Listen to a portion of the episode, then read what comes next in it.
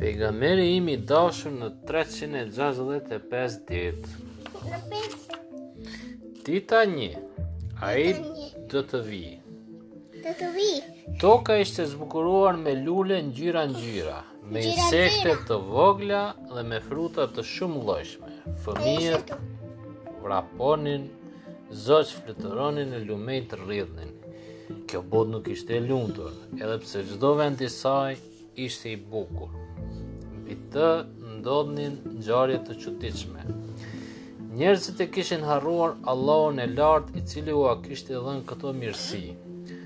Ata nuk e adhuronin atë, por adhuronin gjëra të tjera të ndryshme. Dikush e adhuronte zjarrin, dikush diellin e dikush lopën. Kërkonin ndihmë nga lodrat që i gdhendin nga gurët dhe drurët, nga ato që quhen idhuj, edhe pse Allahu ishte ai i cili e kishte krijuar gurin, zjarrin, drurin, lopën dhe diellin, dhe ai ishte i cili e meritonte adhurimin. I pasuri e shtypte të varfrin, nuk i donin fëmijët vajza. Të varfrit dhe të moshuarit nënçmoheshin, ata nuk përkujdeseshin për të sëmurët. Shkurt thënë, nuk kishin aspak respekt ndaj njeriut dhe nuk i zbatonin ligjet. Kjo botë e kishte vështirë t'i mbante në vendet e saj të zbukuruara si xhenet njerëzit e tillë injorantë dhe pa dashuri. Allahu i Lartë që nga Hazreti Ademi e deri atëherë pat dërguar shumë pejgamberë.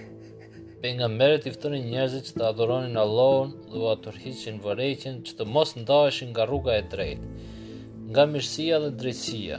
Por njerëzit gjithmonë iu bindën shejtanit dhe i harruan urdhrat dhe ndalesat që i patën sjellë pejgamberët.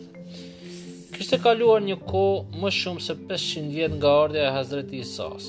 Tashmë kjo botë po e priste pejgamberin që do t'i thoshte ndal padrejtësive, dhunave dhe ligësive që ndodhnin. Ai do të vinte dhe do t'i sillte botës drejtësi, paqe dhe mirësi. Mirëpo kur do të vinte ai? Rrëfim. Për Malikun dhe Imanin. Hajde, goj.